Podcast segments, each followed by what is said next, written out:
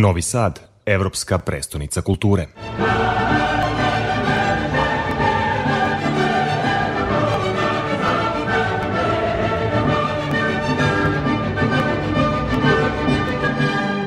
Hvala vam na ovom muzičkom prazniku, na zaista divnoj večeri i prilici da zavirimo u taj intimni svet U e, grupe i podsjetimo se nekih starih pesama koje nismo dugo čuli. Kakav je bio osjećaj svirati u toj unplugged verziji?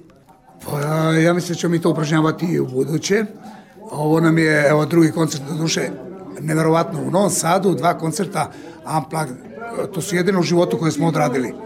Nigde više i um, meni je bilo predivno. Sad, već ovako sa profesionalne strane, uh, posmatrajući svoju publiku, mislim da su i oni takođe uživali u svemu ovome. Kako vam se dopao ovaj prostor i ovaj format koncerta? Prostor je fantastičan, da budem iskren, šteta što ovo nije studio neki, jer ima takvu akustiku da, da, da bi moglo da se snima, pošto mi stalno sviramo elektriku, jel? A, nije nam lako da se prešaltujemo na tiho muziciranje, međutim, eto, privikli smo se nekako i dobro ispalo. Da, prethodni koncert održali ste Unplugged u studiju M 96. godine, ako se ne varam. 95. Ko je sve bio na bini, ili se sećate dobro tog koncerta? Ja znam da, da ih je više, jedno, bar troje da nisu više sa nama, da nisu živi. Pre svega organizator, uh, vaš sugrađanin Aca Pražić, koji je sve to osmislio, uradio, uz podršku ostalih ljudi, normalno direktora i svih ostalih.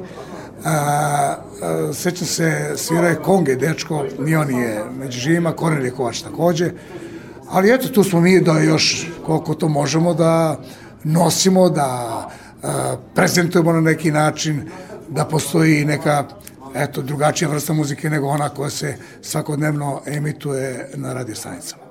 Prošle godine obeležili ste veliki jubilej, pola veka čistog rock'n'rolla zbog pandemije, malo pomeren do duše.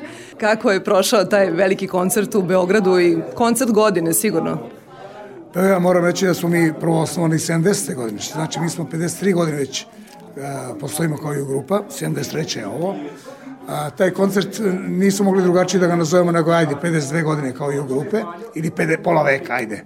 Pola veka, šta je pola veka za jednog čoveka? Tako da ovaj, taj koncert smo odradili na svu sreću, sve nas je poslužilo. Počeo od gostiju, sem jednog Jana Zabočine koji nije došao iz opravdanih razloga. Ostali su svi došli stvarno uh, jedna, jedna nesvakidašnja atmosfera. Znate, mi, mi, naš četvorica kad izđemo na scenu, mi znamo otprilike šta ko radi, što bi se reklo. A kada se pojavi još neko sa, sa strane, sa svojim umećem, da li gitara, da li pevanje, da li je bilo šta u pitanju, onda to oplemeni i obogati ono što mi inače radimo. Sedam godina se priprema i veliki dokumentarac o U grupi. Da li je priveden kraju i kada možemo da ga očekujemo? Pa nema para. ono uobičajno ima, nema para. Ovaj, šalim se, ali tu je, tu je zaista, ja mislim da su zadnji kadrovi da se montiraju i da bi on trebao a, sad naproće da, da se emituje. Današnji rock and roll bendovi često grade karijeru na bazi dva ili tri hita. Kako vi gledate na svoju karijeru dugo, eto, više od pola veka i šta je ključ e, trajanja? Pa i da počnemo od ovoga šta je ključ trajanja. Pošten odnos prema onome što radite.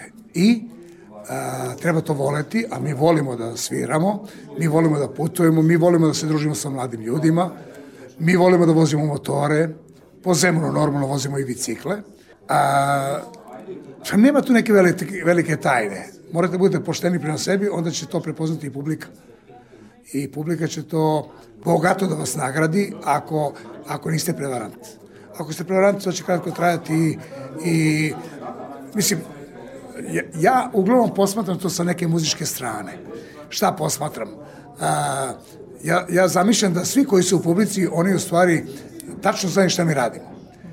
Iako statistika pokazuje da u stvari možda 90% ljudi tačno zna šta mi radimo, a da onih 90% samo uživa u ritmu, u rečima, u melodiji, a to je dovoljno. Koji su vam planovi? Da li ćete nastaviti tu seriju velikih koncerata povodom jubileja? Mi imamo već zakazane koncerte. Ja se nadam, organizator je rekao da ćemo imati u ovoj godini i, par koncerata u, u drugim državama ili republikama, ajde da kažem tako, mada s obzirom da sam ja sve to obišao bar 5-6 puta, mislim na Jugoslaviju i Žika i ja, meni je to sve neko normalno i jedva čekam da sviramo i u Sarajevu, i u Zagrebu, i u Ljubljani, i, i bilo gde. Hvala najlepše i najmanje još 50 godina karijere. Pa da, prvi polo veka je dosta teško za čoveka, ali drugi vidjet ćemo. Neka nas sačeka lepo a, vreme, a, zdravlje i osmeh sa svima onima koji, s kojima smo mi.